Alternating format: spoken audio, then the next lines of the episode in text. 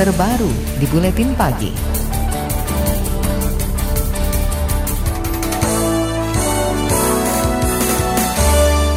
Presiden Joko Widodo memastikan lokasi ibu kota baru berada di dua kabupaten, yaitu Penajam Pasir Utara dan Kutai Kertanegara, Kalimantan Timur. Pemerintah jalan terus meski dinilai mega proyek itu tanpa melalui kajian mendasar dan mendalam. Kepala Bappenas Bambang Brojonegoro membantah akan terjadi perusakan lahan untuk hutan di sana. Dan dari 180 ribu hektar itu, separuhnya nanti adalah ruang terbuka hijau, termasuk hutan lindung. Jadi hutan lindung tidak akan diganggu, bahkan sebagian dari penajam pasar utara dan Kutai Kartanegara ada hutan konservasi Bukit Soeharto. Justru kita akan perbaiki hutan konservasi itu yang sekarang ada yang memakainya tidak untuk keperluan hutan, termasuk perkebunan. Jadi justru akan direhabilitasi. Kepala Bapenas Bambang Brojonegoro juga menambahkan sebagian besar lahan yang digunakan berstatus hak guna usaha yang sudah habis masa izinnya lalu terlantar. Selain itu, sebagian besar lahannya pun merupakan milik pemerintah. Kementerian Lingkungan Hidup dan Kehutanan mengatakan belum menghitung dampak risiko paling buruk atas pemindahan lokasi ibu kota ke Kalimantan Timur. Juru bicara Kementerian Lingkungan Hidup Jati Wicaksono mengatakan setiap kegiatan di suatu wilayah pasti akan punya dampak. Variasi ya, artinya dari ada yang bergunung-gunung, ada yang datar, sebagiannya datar lah, sebagian besar itu tanahnya dat, apa tanah tanah mineral, bukan bukan rawa gitu ya. Tanah kering itu relatif mungkin lebih lebih mudah ya bangunnya. Setiap kegiatan kan pasti ada dampak. Tapi tergantung kepada rencana kegiatannya mas. Hmm. Rencana jadi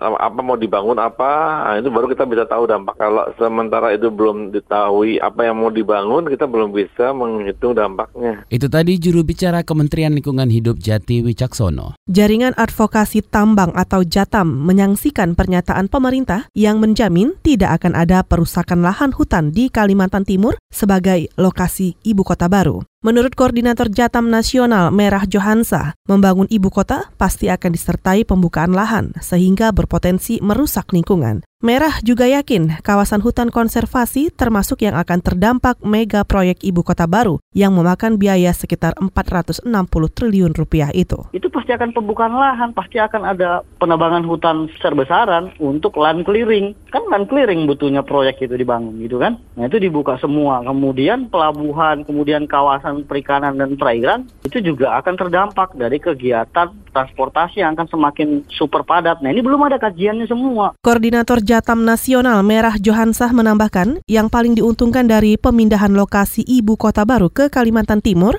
yaitu para pemilik lahan konsesi tambang. Menurut Merah, mereka pasti akan diajak berunding terkait lahan tambangnya. Di sinilah dikhawatirkan ada kebijakan pemutihan Pemutihan kewajiban yang seharusnya menjadi tanggung jawab pemilik lahan konsesi. Kewajiban itu misalnya memperbaiki kondisi lingkungan pasca penambangan, termasuk menutup lubang-lubang bekas tambang yang sudah banyak merenggut nyawa. Aliansi Masyarakat Adat Nusantara atau AMAN juga mengkhawatirkan pemindahan lokasi ibu kota baru ke Kalimantan Timur akan mengancam kelompok Dayak Lawangan dan Basap kehilangan hak-haknya. Sekretaris Jenderal AMAN Ruka Sambolinggi menyebut pemerintah seharusnya lebih dahulu membuat kesepakatan kepemilikan lahan dengan masyarakat adat, khususnya yang tinggal di antara Kabupaten Penajam Pasar Utara dan Kutai Kartanegara. Ke mana pun kalau dari masyarakat adat, ke mana pun ibu kota uh, ini pindah, kalau itu berada di wilayah adat, maka urusan dengan masyarakat adat harus dibereskan dulu. Pemetaan wilayah adat, pengakuan hak hak masyarakat adat uh, sampai saat ini belum dikerjakan oleh pemerintah. eh, lagi-lagi ibu kota buat siapa? Ibu kota juga buat masyarakat adat tidak berarti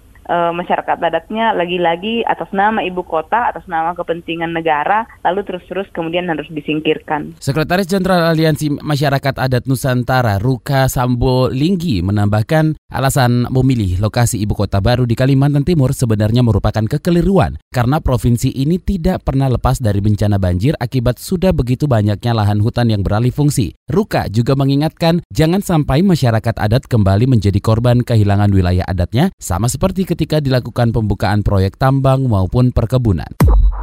Anda tengah mendengarkan KBR, radio berjaringan yang berpredikat terverifikasi oleh Dewan Pers.